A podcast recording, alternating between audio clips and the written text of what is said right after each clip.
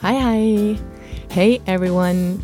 You are now listening to a podcast by Flux Publishing. Usually, our content is in Norwegian, but due to the special guest in this episode, this podcast is recorded and made entirely in English.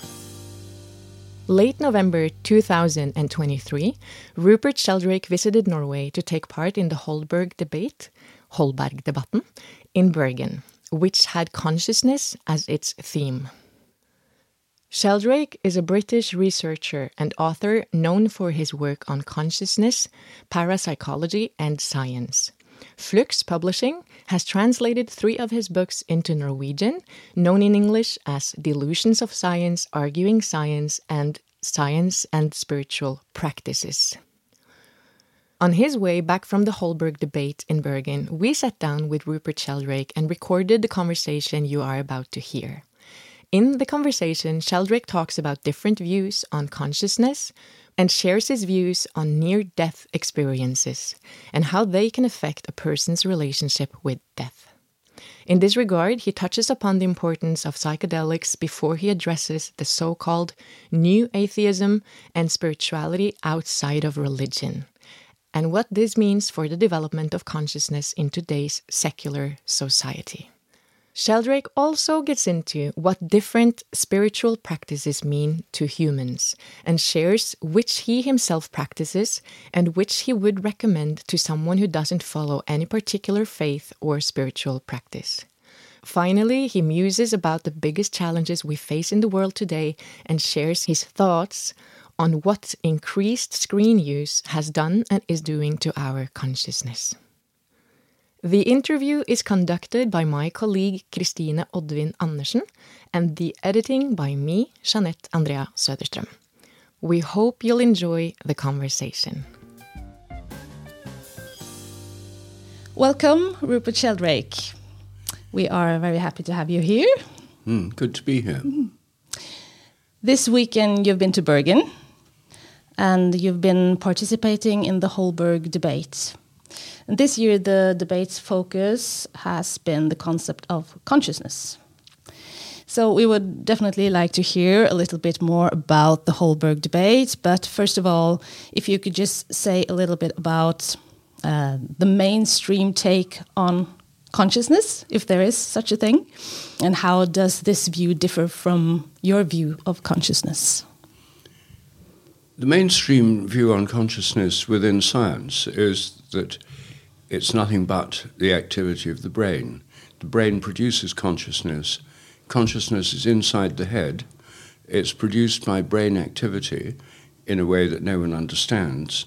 Um, everything you see, um, everything you hear, everything you imagine, everything you dream, uh, all your emotions, all your experiences are somehow inside your brain.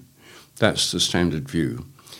And the standard view is that what's going on is the physical and chemical activity of the brain, and that consciousness itself isn't actually doing anything. It's like a kind of functionless shadow of brain activity. Some call it an epiphenomenon, you know, like a shadow that doesn't do anything. Uh, some call it another way of talking about brain activity. Um, some uh, philosophers even say that we're not really conscious, it's just brain activity, and that consciousness is nothing but an illusion. But then their critics say, well, uh, an illusion is itself conscious. You can't have an illusion outside consciousness. So saying it's illusion doesn't solve the problem. And in fact, the very existence of consciousness within this framework is called the hard problem. The hard problem uh, of consciousness is that you can't really explain the experience that we have, the subjective experience, just in terms of brain activity. Brain activity is a physical set of events you can study and measure in the laboratory. But there's nothing about these measurements that tells you anything about the direct experience of consciousness, what it's like to experience colors or sounds or beauty or love or hate or any of our actual experiences. All you have is activity in nerve cells. So everyone agrees that there's a problem. That's why it's called the hard problem in philosophy of mind. Mm. So, the standard view of consciousness, which is called the materialist or physicalist view of consciousness, um, is widely accepted in universities. It's what's taught in schools and universities all around the world. It's the basis of modern neuroscience. It's the default assumption of medical schools. Yet it bears no relation at all to our own actual experience. So, as I say, this is called the hard problem. So that's the, the standard view everyone accepts as a hard problem.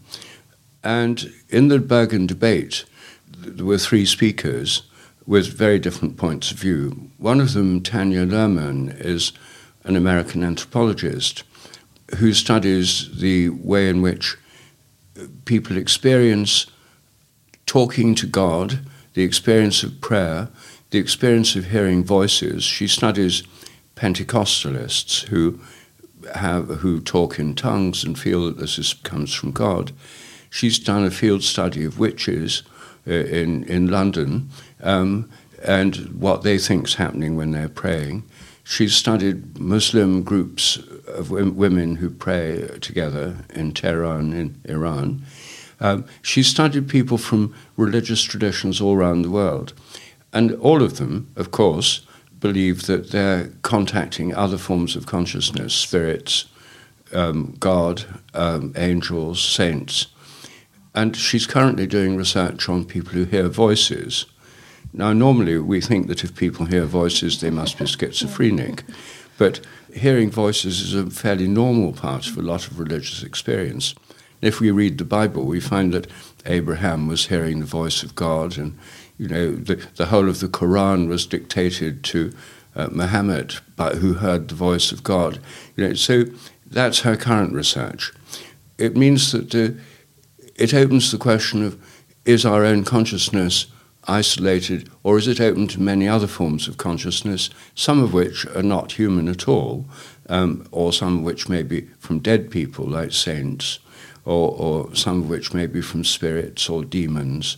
So that was a very broad view of consciousness that takes us far beyond what most of us would normally experience. Hmm. Yes. And so you agree with Tanya on this? Well, I, it's not a matter of agreeing or disagreeing. It's just that she's describing what people hmm. experience, mm. and she herself says, "You know, I'm a science, I'm an anthropologist. I'm not saying it's real or it's not real. I'm just saying this is what a lot of people experience." Yes. yes. So that was uh, one extreme. You see, Tanya was talking about extreme forms of human experience, which, for most of us, would seem rather unusual yes. uh, which are going further than just ordinary everyday consciousness. And the opposite pole was Anil Seth, who's um, half Indian, half English. He's non religious and he identifies as a materialist and he's a neuroscientist. So his position is that consciousness is nothing but the activity of the brain. Um, yes, people have these experiences. Yes, they think they hear voices, but it's all just going on inside the head. It's nothing but unusual activity in the nerves. Um, he, he was putting forward the materialist position, and he's a bit different from most materialists. Some materialists think the brain is a computer and that our normal intelligence is more or less the same as artificial intelligence, nothing but information processing inside the computer within our heads. Now, he doesn't think the brain is a computer. He thinks the brain's doing more than computers can do. So, in that sense, he's a little heretical yeah, within yeah. the conventional camp. Nevertheless, he's um, definitely a materialist. Uh, he believes that our normal perceptions, you know, when we see something or hear something, uh, that our normal perceptions are like hallucinations produced by our brain. He calls them controlled hallucinations. We're not seeing what's really there, we're seeing what we interpret. I agree with that. Um, I quite like his idea of controlled hallucinations. Um, so, anyway, uh, so on the one hand, you have Anil Seth with this uh, materialist view. It, I, I, think you could call it perhaps a liberal materialist view because he's not as dogmatic as some materialists. And is more open minded. On the other hand, Tanya, with this uh, immersion in uh, some of the weirder experiences that people have. And my own position really was somewhere in between, um, because I, I, agree with Anil Seth that there's, uh, our perceptions involve uh, are produced by our minds, but he thinks it's all produced inside the head, um, whereas I think that our perceptions are projected out. So when I look at something, then the images I'm seeing are projected to where they are. So if I look at a tree, my image of the tree is not something inside my brain, which Seth would say, but it's out there where the tree is. So it's in my mind, it's in my consciousness, but it's not inside my brain. So vision, in the way I'm explaining it, involves light coming into the eyes, changes in the brain, and then the projection outward of the images, so they're outside the head. And this is not a new view, it's what traditional people believe all around the world, it's what children assume, um, and it's what the great geometer Euclid, about 300 BC, thought. Um, like many ancient Greeks, he thought that vision was a two way process. Light comes in and images are projected out. And Euclid was the first to explain how mirrors work, that when we look at something in a mirror, the light is reflected by the mirror, but we project out the images which go in straight lines, and they don't bend when they hit the mirror like the light does. Mm. They go straight through it, forming images behind the mirror. So, what we're seeing in mirrors is our own projections. Every time we look at something in a mirror, we're actually seeing our own visual projections, which are out there, they're not inside our brain. And this theory of Euclid is still the theory that's taught in school textbooks when you explain how mirrors work to children, or indeed to adults, then uh, Euclid's theory is the one, and these textbook diagrams show little dotted lines behind the mirror, producing virtual images behind the mirror, which are projected out to this place behind the mirror. So uh, the confusing thing for students is that, on the one hand, they're told vision is only a matter of light coming in and changes in the brain. They're taught that in physics classes, in, in biology and psychology classes. But in physics classes, where in the section on optics, where they explain images and mirrors and things, they're taught that the images are projected out. So most people are completely confused. Um, and most people assume that images are projected out. And most academics and psychologists and people in universities assume that nothing's projected out. Um, and in my talk, I mentioned some studies at the University of Ohio in the United States, where the professors of psychology there were shocked when they discovered that their own students, like everyone else, most of them believed that the images were projected yes. out. Mm. So they tried to re educate them by telling them over and over again, nothing's projected out. And then after telling them about 20 times nothing's projected out, they said to them, Is anything projected out when you see things? So most of them gave the right answer. They yes. knew the right answer, no. But when they were tested a few months later, they'd reverted to the stick. usual view. yeah. So you see, even when we come to something as simple as seeing, something which all of us do and all animals do as well. This is not a special advanced human ability. I mean, dogs and cats can see, spiders and flies can see, you know, lizards can see, octopuses can see. Um, all animals that have image forming eyes, I think, are projecting out a conscious world into the world around them. And something as simple as vision is simply not understood. My own view is that not only do we project these images out, but these projections involve some influence that goes with the images.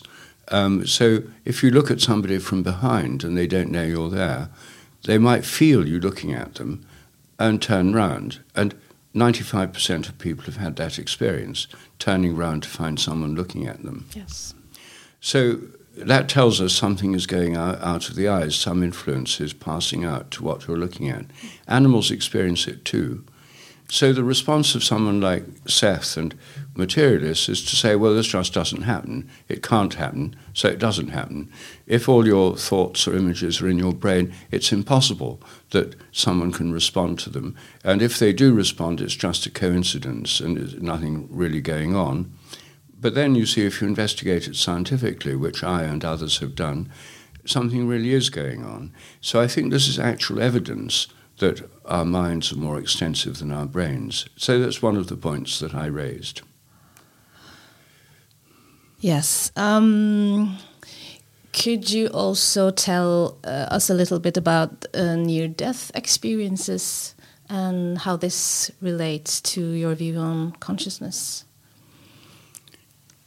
Many people have near death experiences when they've nearly died after accidents or heart attacks. Not everyone who's nearly died has a near death experience, but a lot of people do. Um, and typically they experience themselves floating out of the body. They often see their body in an operating theatre in a hospital or at a scene of an accident. And then often they feel themselves going through a tunnel and emerging into a realm of light, joy, and peace, where they meet loving beings who come to meet them, sometimes ancestors, sometimes Jesus, sometimes saints, um, sometimes other beings. And usually they experience uh, a sense of great joy and peace, and then they have to come back um, because it's only a near death experience. And for most people who've had these, it changes their life. They, they feel there's something beyond death, that there's um, a realm of consciousness beyond this normal realm of consciousness. And most people who've had them stop fearing death in the way they might have done before. Uh, they usually become more spiritual and often more altruistic. So these are very transformative experiences. I think they can also happen um, in traditional rites of passage. Um, I myself think that the well, uh, if we look around the world, we find that very often at the end of adolescence and beginning of adult uh, life, they have rites of passage where people go into the Native Americans, for example, go fasting into the wilderness for a vision quest for many days, and they have a period of great danger. Um, many of them feel they've died and come back to life again. So it's a common theme of rites of passage. I myself think the one that's most familiar for those of us in Europe um, and, and in the West is the near death experiences induced by drowning. I myself think that in the Bible, when we read about John the Baptist, people going to the River Jordan, they were queuing up on the banks of the River Jordan. The New Testament tells us people were flocking there from all over the Holy Land. Uh, John was holding them under, and when they came up, their lives were transformed. This happened to Jesus. His first spiritual experience that we read about was at his baptism by John the Baptist, who was his cousin. And you think he nearly drowned? I think that John the Baptist was a drowner, yes. I think he was holding people under just long enough uh, to induce a near death experience. You see, the normal theory is that everyone agrees he was doing this, holding people under the water um, in the River Jordan but the usual theory is he was holding them under to make it symbolic of a death by drowning and then new birth, dying and coming back to life again. But my view is why would he go to all that trouble if it was just symbolic, when if he held them under for a minute or two longer, you could have the real thing. Uh, you could really have a near death experience where you really did nearly die, you felt this experience of dying and come back to and feel you've been born again. And so uh, this would make a tremendous sense of this experience, you see. And I think that in the 16th century and in the period of the Protestant Reformation, which was a period of extremely radical religious activity in Europe, one of the things that happened was that radical groups of Protestants called Anabaptists started baptizing people again by holding them under water in lakes and rivers. And they went round saying that they'd died, they'd been born again, they'd seen the light. And they were persecuted in Europe because normal churches didn't want people to go around saying they'd died born again and seen the light directly. You know, they thought it should all be done in a more orderly way through regular church services and so on. So they were persecuted everywhere in Europe, and they went to the United, what's now the United States, and the United States is full of Baptists. Uh, these uh, biblical fundamentalists in the south of the United States are mainly Baptists, and they still baptize by total immersion. Now, I don't think they're still doing it so uh, long enough to induce near death experiences. Maybe they are, but I think they're probably now they'd be frightened of litigation and yes, health and yes. safety regulations and so on. Uh, but John the Baptist didn't have to worry about litigation no. or health and safety. Um, and I think many people have near death experiences today through psychedelics, because some psychedelics, like LSD, and especially DMT, dimethyltryptamine, give many people near death type experiences. So I think that if you did a survey of people in Norway today, you'd probably find quite a lot of young people or even older people who've had near death experiences, some spontaneously, but quite a lot through psychedelics. Um, this experience of dying or going through a sort of symbolic death in the psychedelics, or feeling you've gone mad, or feeling you're in a state of complete compression and um, and, and then going through a kind of tube or tunnel into the light. So, what does it mean? From the point of view of the materialists who thinks everything's in the brain, then this is just produced by uh, not enough oxygen in the brain or uh, some disturbance to blood flow or some um, disturbance in the nerve cells. Of course, that may be going on, but uh, it doesn't really explain the experience any more than their normal theory explains experience of waking life. Mm. And so I myself think that when we die, uh, we do uh, or can continue in a state of conscious existence. Um, and um, that the near death experience is a kind of taste of that. It's a kind of rite of passage. Um, of course, we can't prove it because everyone who has a near death experience, by definition, comes back to life. Um, if they go on being dead, then we, we, it's much harder to know what's happening. Yes. So it has to be an open question. But I myself think that when we die, um, it's like sleeping. Now, everyone thinks that actually. Atheists think that when you die, it's just complete oblivion, like deep sleep. But you see, when we go to sleep, we don't just sleep, we also dream. Um, and so I think that when we die, it may be like dreaming, but we can't any longer wake up in our physical body because it's dead. So I think we may be trapped in a kind of dream world. And the kind of dream world that we're in depends on us. It depends on our beliefs, our expectations, our hopes, our faith. You know, if we believe in God and if we believe, if we're Christian, that Jesus and the saints and angels can help us when we're dead. We may find people who help us and guide us. If we're atheists, then don't believe in any of that, then it may be a really scary experience. you may not so? yeah. know what's going on. You may not know what to do. Or um, if you spend your life watching horror films and, and vampire films, uh, you may find yourself in a kind of perpetual nightmare, which would be very like medieval images of hell. So you don't watch uh, horror movies then? I certainly don't. No. uh, uh Me neither. But, but um, I think you know I think that the, um, those, in a sense, it's a kind of because in the secular world all these forms of imagination have been blocked off from people in the sense of being real experiences that could happen to us. They still exist, but they exist now in the realm of fantasy, fiction, etc. So we have films that portray hell, basically. A, a lot of films portray horrific situations. Uh, a lot of films portray nightmare type scenarios where you're trapped, uh, being attacked by monsters, vampires, etc. Um, and you know, in the Middle Ages, this was standard. And if you look at Dante's Divine Comedy, you know, it's a kind of map of the medieval understanding of the afterlife. You know, there's hell with all these people who are trapped, and they're trapped usually in their own obsessions. It's not that they're being punished by a vengeful God, it's that they're obsessed in one way or another with greed or lust or, or avarice and, and gluttony. They're, they're obsessed, and because they're obsessed, they remain trapped. And then in purgatory, you have people who are still sort of held back by their own faults, obsessions, and so on, but they have faith they can move on, and they are moving on.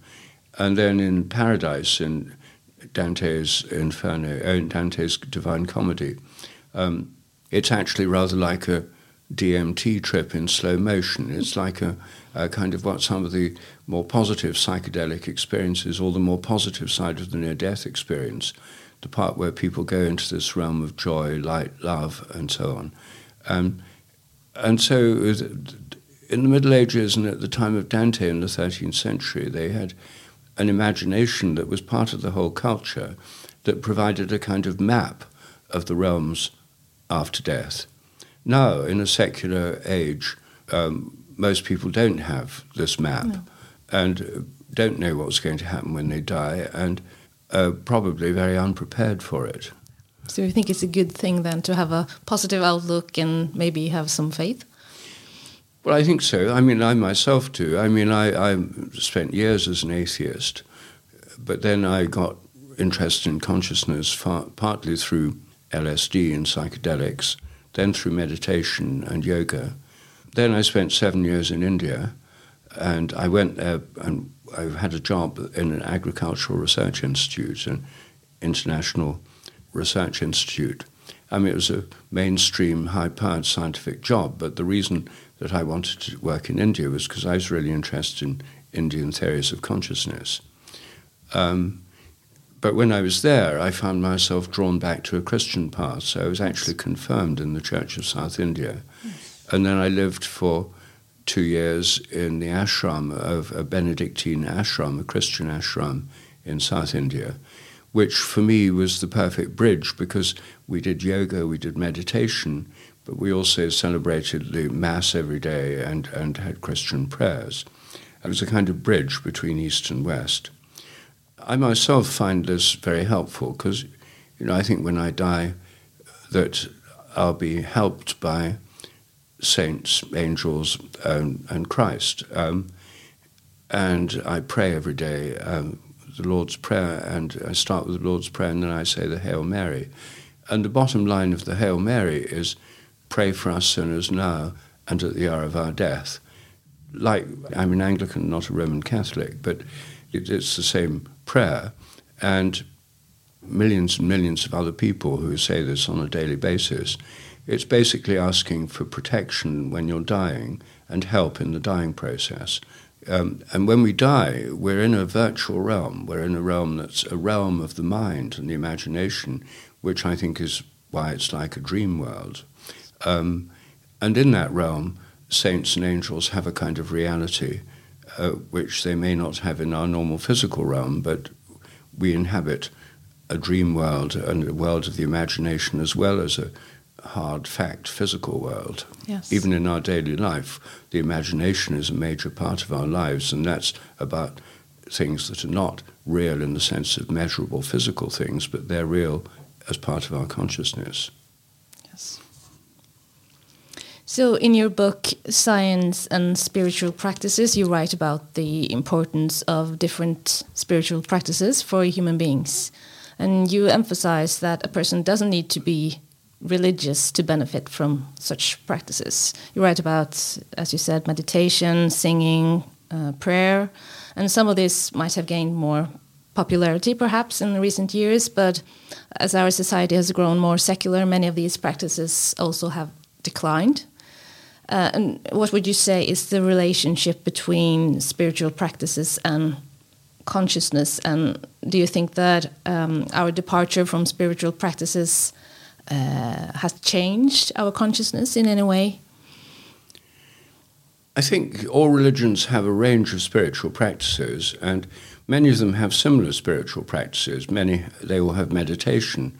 Eastern, Buddhist, Hinduism, Christianity has cont- contemplative prayer, which is a form of meditation, as practiced by monks in monasteries and nuns in convents and hermits and many normal Christians.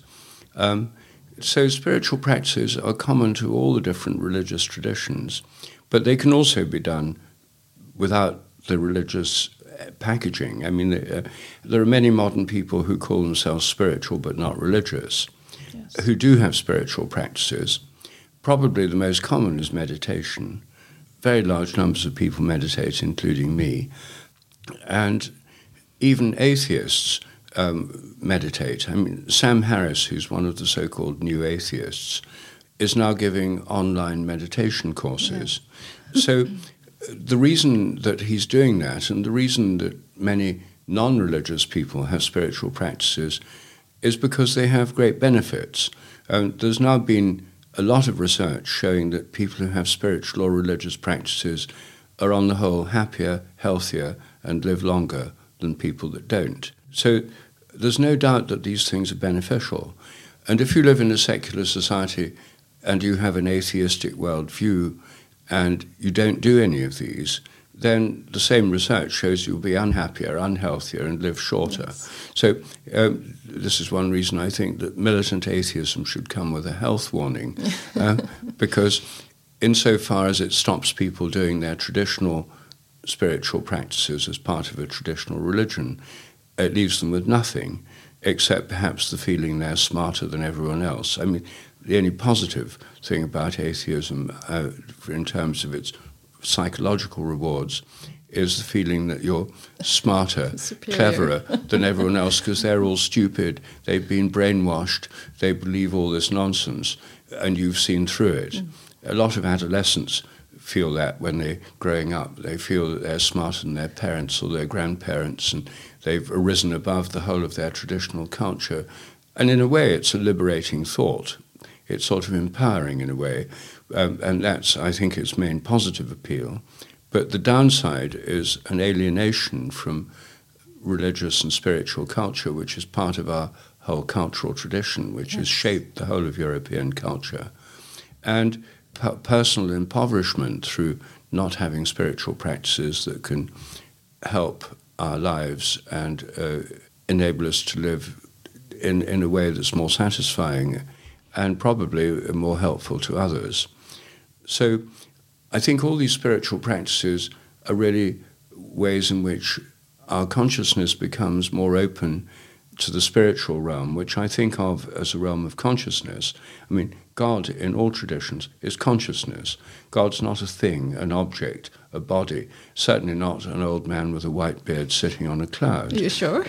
uh, you know, the traditional view of God, and also the Christian view, is that God is the Holy Trinity, the ground of all being, and the source of all forms and all energy in the universe, underlying everything. So God is sustaining the universe from minute to minute. Without God, everything would vanish. It's not as if God was a kind of divine engineer who, at the beginning, created the clockwork universe and then pressed the start button and stepped back and everything goes on automatically. Um, that's a, a kind of naive 17th century mechanistic view of an external God. And that's the God most atheists don't believe in. And I'm not an atheist, but I don't believe in that kind of God either. Um, you know, in, in the Hindu tradition, God, um, Brahma, is, is ultimate consciousness from which all things come. So, in all religious, and in Buddhism, it's the ultimate state is defined by negation. What's not this and not that? It was nirvana is a negation. It's emptiness or void. But basically, what it's saying is the ultimate reality is beyond all of our concepts. And that's also true in the Christian, mystical Christian tradition. Someone like Meister Eckhart, the great medieval mystic in Germany, um, basically is saying that God is beyond all our conceptions. We can only define God in terms of what God is not.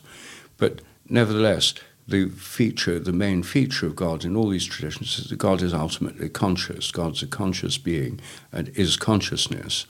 And that all forms of consciousness within nature, including ours, are ultimately derived from this source of all consciousness. That view of God um, means that spiritual experiences, which are all about consciousness of being part of something greater than ourselves, are, in a sense, connection with this underlying consciousness which pervades the whole universe and underlies all conscious minds. And so these different spiritual practices are different ways of connecting. So meditation, um, which usually involves closing your eyes um, and then concentrating either on breathing or on a mantra, is a way of forming a focus of consciousness, the breath or the mantra, that's different from your normal immersion in the constant chatter of the mind, the train of thought that's going yes. on. So, by withdrawing your uh, attention from this being immersed in this internal dialogue, you then see these thoughts. You still go on thinking, but it's a bit like seeing clouds going through the sky. You're no longer within them. You can see them from another point of view. And this detachment from the thoughts enables you to uh, become less absorbed in that, more aware that there's a part of you which is observing what's happening, a, a basis of consciousness, which in the ultimate, certainly it's very explicit in the Hindu theories of meditation, um, that it brings you to the very ground of consciousness itself, which is not different from the ultimate ground of consciousness, which is the divine consciousness underlying everything. So there's a sense of connecting with this deeper consciousness through meditation. Through prayer, we invoke forms of consciousness. We all, all prayers start with an invocation Our Father who art in heaven, yeah. Hail Mary, full of grace, Om Namah Shivaya. You know, they all start by an invocation of a form of consciousness beyond ourselves. We connect to it, and then there's a sense in which prayer works in the opposite direction to meditation. Meditation involves letting go of being connected with the outer world, letting go of our inner thoughts, going to the ground of consciousness itself. It's like breathing in. Whereas prayer involves starting with the connection with a greater consciousness, um, then connecting it to uh, things we're concerned about in the outer world. It's as I'm talking about petitionary prayer, where you ask for things. That's the most common kind, uh, found all over the world in all traditions. Um, you know, you know someone who's sick, so you're praying for them to be helped. Yes. You have a, a threat to your life, something that's making you worried, and you pray for help in dealing with that and protection. Um, all the kinds of things we pray for. You know, people pray so they can be helped during exams at school or college, or people pray that their business won't go bankrupt and that sort of thing. They're, they're very practical, the things that pray, people pray for, or praying for our, our own health, or praying for blessings on our family and our children and people we know. Um, in that sense, it's a flow like breathing out. You connect with the spiritual or conscious realm, and then direct the intention towards people or things in the outer world. So those are two different related spiritual practices. Then there are many others, you know, like singing and chanting, um, where when you sing with other people, then you become connected with them through you breathe together, you sing together, you literally come into resonance.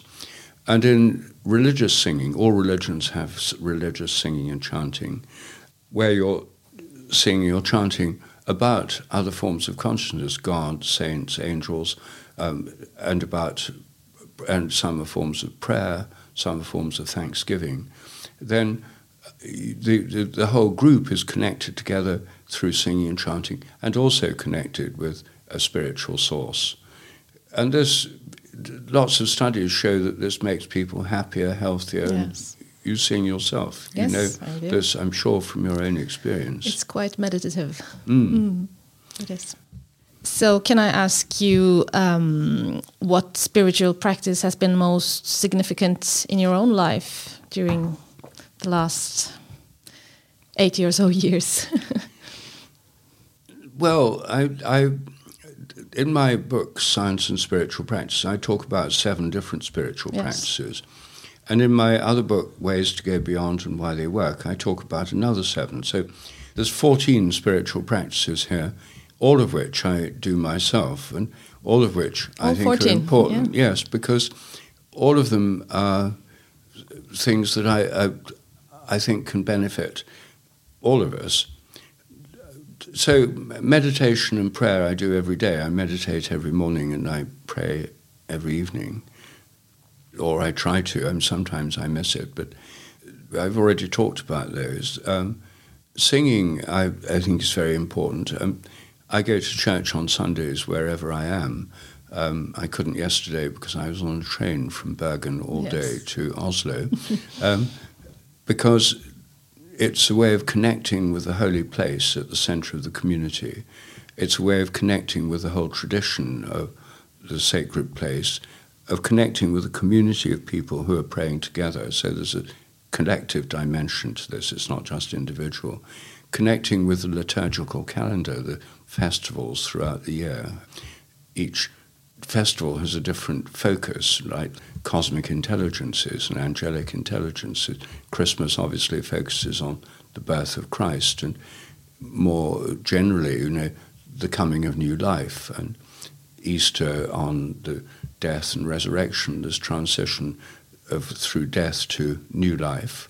Uh, so each festival has its own focus and gives the structure to the whole year because the, I think the trouble with being spiritual but not religious is that it has a spiritual dimension which is very important, but it's very individualistic. Individual, yeah. Whereas we're social animals, we live in communities. And the point about religion in all traditions is that it is a collective celebration that brings together communities. So, singing and chanting um, the sacraments, the you know, collective celebrations and the festivals, these are spiritual practices which almost require collective. These are hard for yes. doing if you're spiritual but not religious.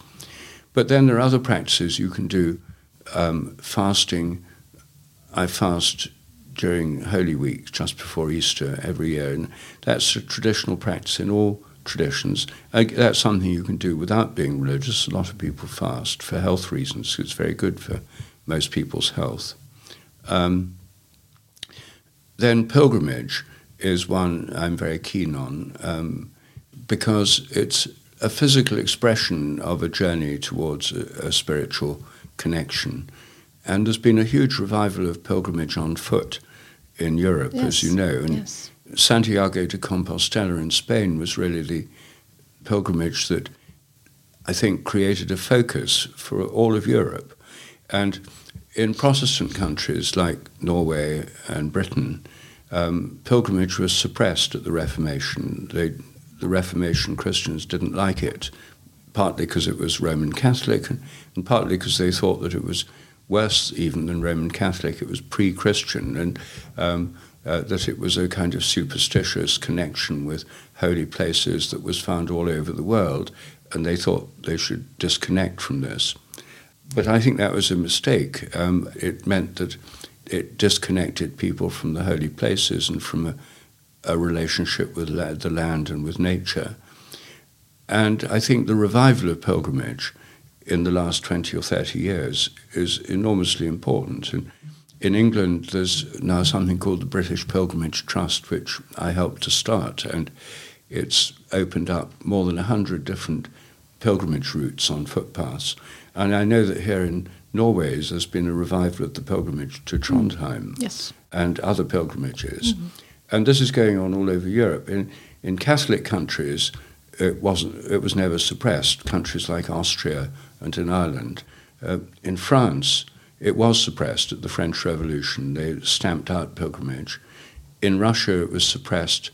Uh, the Orthodox pilgrimages were suppressed by the Bolsheviks after the Communist Revolution. And since the fall of the Soviet Empire, there's been a huge revival of pilgrimage in Russia as well. So, uh, what we're seeing in Europe is very interesting. It's, a, in a sense, the return of the repressed, that pilgrimage is coming back, and many people going on pilgrimages are not people who think of themselves as religious. Mm. They, I think for many people who are not religious, it's a way of reconnecting with holy places and yes. with these traditions. Mm. So, um, which one of these would you recommend then for someone who who's not doing any of it? What would be a good starting point? Do you think? Do you have a recommendation? Well, I think pilgrimage is a very good starting yes. point because you know, people, most people have been filled with anti-Christian propaganda. You know, it, it's just about blind belief. It's, stupid. It's uh, you know, credulous. What about the Inquisition? All that kind of thing. It's very much part of the modern secular mindset. So, I think the advantage of pilgrimage is that you don't need to think about all these things. You just do it. You're doing something physical. Um, it's not mental. It's not like you're sitting down thinking, yeah. can I believe this or can I? For the British Pilgrimage Trust, in our organised pilgrimages, we have some where we have groups. Others people do on their own. But for our group pilgrimages, one of our slogans is bring your own beliefs. Yeah, it's a good one. You know, like in party, uh, student party invitations, it usually says bring your own bottle. Mm. um, so BYOB. So we have bring your own beliefs. Bring your own beliefs. yeah. Um, so it's not about belief, it's about experience. Mm. And that's really what all these spiritual practices are about. They're about experience. And I think that religious beliefs are ways of trying to under, understand the experience, but I think the experience comes first. And so I think that going on a pilgrimage to a holy place, and it doesn't have to be Trondheim or Canterbury or Santiago, it can be just your local holy place. And I find that when I visit a new city or a new place when I'm traveling, um, I try to make my journeys into pilgrimages. So when I go to a new city or when I'm visiting somewhere, I usually try to go to the cathedral or to the local church, or in India to the temple, or in a Muslim country to the mosque, or to a shrine of a Sufi saint, uh, to go to the local holy place, walking there, um, even if it's only 10 minutes walking, and going there, connecting with the holy place, asking for blessings. In most Christian cathedrals, you can light a candle. I find that this is a way of reconnecting with the earth, reconnecting with tradition, reconnecting with holy places, which are traditionally places of connection between heaven and earth. And that's why they have towers or spires or minarets or obelisks or most holy places or standing stones have vertical structures which literally connect the heaven and the earth. And they're very often the primary things that lightning strikes. So it's very literal. The, the energy from the heaven goes into the earth through these holy places. Um, so I think one way is uh, to, for people who don't have these practices is, is to go on a pilgrimage to uh, best to start with a local holy place. Uh, in England, many people who've grown up in non-religious families, and that's most people now, have never been into their local church or cathedral. You know, they may go as tourists to India and visit temples, and they yes, may go on as tourists to Florence and visit the cathedral and stuff, but they've never been into their local one. Um, and so I think it can be very healing just to reconnect with one's own holy, local holy places and places where one lives. And Norwegians are very fond of walking as well, as you might know. Yes. we walk and walk. so, some final questions. Um, what do you think are humanity's biggest challenges today? I don't have a very original view of the biggest challenges. I mean, we all agree that the climate change is a huge challenge.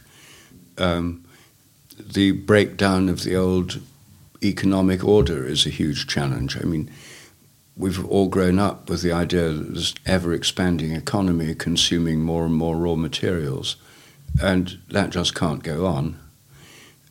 Then there's the huge challenge of the world's population and its response to climate change. And we already in Europe have millions of people trying to come into Europe from Africa and elsewhere and the Middle East, and that's going to get worse. And what, what are people going to do about it? You know, yes. you know, it's a massive problem, and it's a huge political problem all over Europe. Um, in England, net immigration last year was 750,000. Yes, um, that's massive. So, you know, within three or four years, we'd have the entire population of Norway in a country that's overcrowded with a housing shortage. And um, we don't have any visionary political leaders. and the political leaders who do have a mission, like Putin, who thinks he's got a mission to save Russia and so on, are taking us back to an era of a bit like the First World War. So everyone, I think, can see these challenges, but not many people seem to have an idea of what to do about it. So, uh, you know, I don't have a magic formula either, but I do feel that one of the things we've got to learn is to live more contentedly with less. We can't go on having more and more and more of no. everything. Um, and I think one of the reasons for consumerism and for the consumption and the greedy destruction of the Earth's ecosystems and resources is people wanting more and more stuff. And wanting more and more stuff comes really from a sort of inner need where, you know, like the Tibetans have this image of what they call hungry ghosts. It, it's a kind of hell realm where people, they have thin necks. They're always trying to get more, but they can never get enough. And we've created a society and we've spread this idea to India and China and Africa and the rest of the world that you should always have more. And so I just we have to learn to be more content with what we've got. And for that, we have to realize that happiness and contentment doesn't just come from stuff. We need a certain amount, and we certainly need food and warmth and somewhere to live and clothes and all that. But we don't need to be able to fly all over the world hundreds of times in our lifetime, dozens of times a year, to get frequent flyer rewards. I mean, flying, for example, I mean, I'm making a tiny token gesture this year, not flying anywhere, and that's why I came to Norway by train. I'm setting off later today on, by ferry, actually, to Kiel, and then by train back to England. Um, not because I think it's going to make a huge difference, but because I think it's a way of, we've just got to find a way of living less consumptively, less greedily. And uh, if you think about it, a lot of the present system is based on perverse incentives. Frequent flyer miles are the most extreme example. People are rewarded for flying uh, more and more and more. And if you do your carbon footprint, as I've done mine, um, just three or four flights a year emits more carbon than just living at home for an entire year. And so this is one of the things that all of us can voluntarily change if we want to. Um, so I think finding ways of uh, traveling, pilgrimage, for example, is a much more satisfying form of traveling. And walking to a holy place in England where I live is actually much more uh, satisfying than getting on a plane and traveling halfway around the world to visit some tourist site and taking some photographs and coming back again and emitting huge amounts of carbon. So I think we, we have to find ways of living more simply. And I think that a, a spiritual life enables us to do that, um, whereas a secular, atheistic world means that we're going to spend more and more of our time and energy in, in destroying the planet through consumption. And that's not going to solve all these big political problems, but it's, it's one thing that all of us can actually do in our own lives. Yes. Uh, what book do you think everyone should read? Well, I mean, I'd, I'd, I'd like to say one of my own. Except your own. Um, I don't know that I have a, a belief in sort of one single book. Um, I think it very much depends on where you're coming from, you know, where what where you are and what you're you're looking for. And I, I don't actually have a one size fits all recommendation about books. Um, so it it depends. If you don't know anything about the history of your own country, um, a history of your own country might be a good place to start because I think we need to know where we've come from, how we're linked to the past, where we fit in, in the stream of things. The book I've read on, on the train coming here was um, A History of Scandinavia by a Norwegian called Stein Ringen, who is a Norwegian professor in Oxford. Um, and so I've been fascinated to read about the history of the three main Scandinavian countries. I just finished it yesterday. uh, on the train from um, Bergen. Um, and for me, it's given a much greater sense of where I am and who I'm with. So I think history books are really important because we have to know where we're from. And then, in a broader sense, books on evolutionary history because understanding how the cosmos has developed and how life has developed on Earth, again, gives us a sense of connection to the past and connection to other things. And all the cosmos comes from a common source, according to the Big Bang, which is like our modern myth, our modern scientific myth. No one was there to see the Big Bang, so it's a kind of myth, but it's a helpful one because it tells us we all come from a common origin. Everything in the universe is interrelated. And the evolutionary theory of life, again, is helpful for the same reason. It says all forms of life are interrelated to each other, interconnected with each other, and the whole of the earth and the evolution of the earth and the evolution of life are interconnected. So, all these kinds of books, and I don't want to name a particular one on evolution or history or um, but uh, I think all of these are very important to realize how we're related and how we're interconnected. Yes. I will save this for last. If you want to address it, I was just wondering more actually of a personal uh, curiosity social media and screens. Do you think that they have um, changed our consciousness in any way? On a I fundamental think, consciousness Well, I think level? so. I think it means that lots of people spend a lot of their life in a two-dimensional world yes. instead of a three-dimensional world. So in that sense, it's reductive. It reduces our experience. And where I think it's most dangerous and unpredictable is with children. When you see children who should be growing up in a three-dimensional world of physical experience on screens, I mean, when you see two-year-olds on iPads for hours a day, I think this is a, an experiment that's never happened in the whole history of the universe. No. And it's now being done without any control to children all over the world in every culture. And who knows what the effects will be? I'm quite sure they're not going to be good. So I think screens and living a life on screens is, is really potentially harmful. And with our own children, um, I have two sons, Merlin and Cosmo when they were growing up, my wife and I decided that we didn't want them to grow up on screens, so they didn't have television, videos, or video games. It was easier when they were growing up. They're now in their 30s because the internet wasn't such a big thing. Um, so they didn't have computers or screens till they were about 16. And they were only allowed to have computers then if they passed a typing test that I set, because I wanted okay. them to be able to use the keyboard properly. Yeah.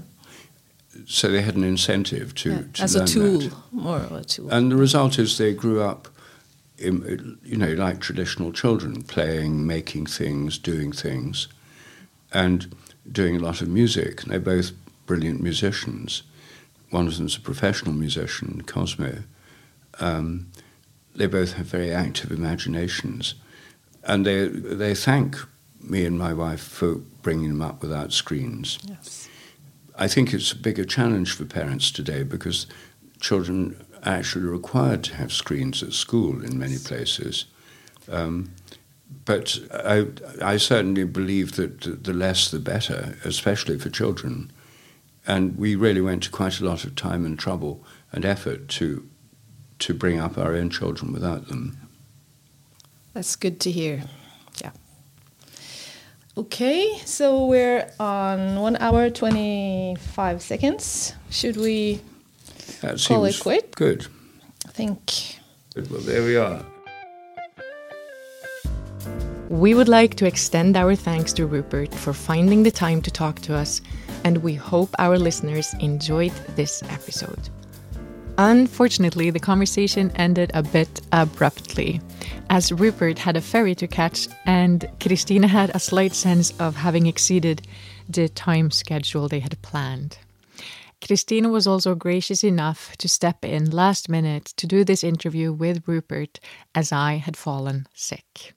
For anyone interested in Sheldrake's books in Norwegian, you'll find them on our webpage flux.no where you'll also find all our other books, articles, activities, and courses. If you're not Norwegian speaking, you can search online for Sheldrake and his books, and I'm sure you will find many places to read about them and potentially order one. Once again, my name is Jeanette Andrea Söderström, and the music you've heard is produced by Olve Flakne. Thank you for listening and sharing, and please consider to follow us on Facebook or Instagram for more updates from Flux, including audio and video clips from our podcast conversations. Bye now. Vi høres!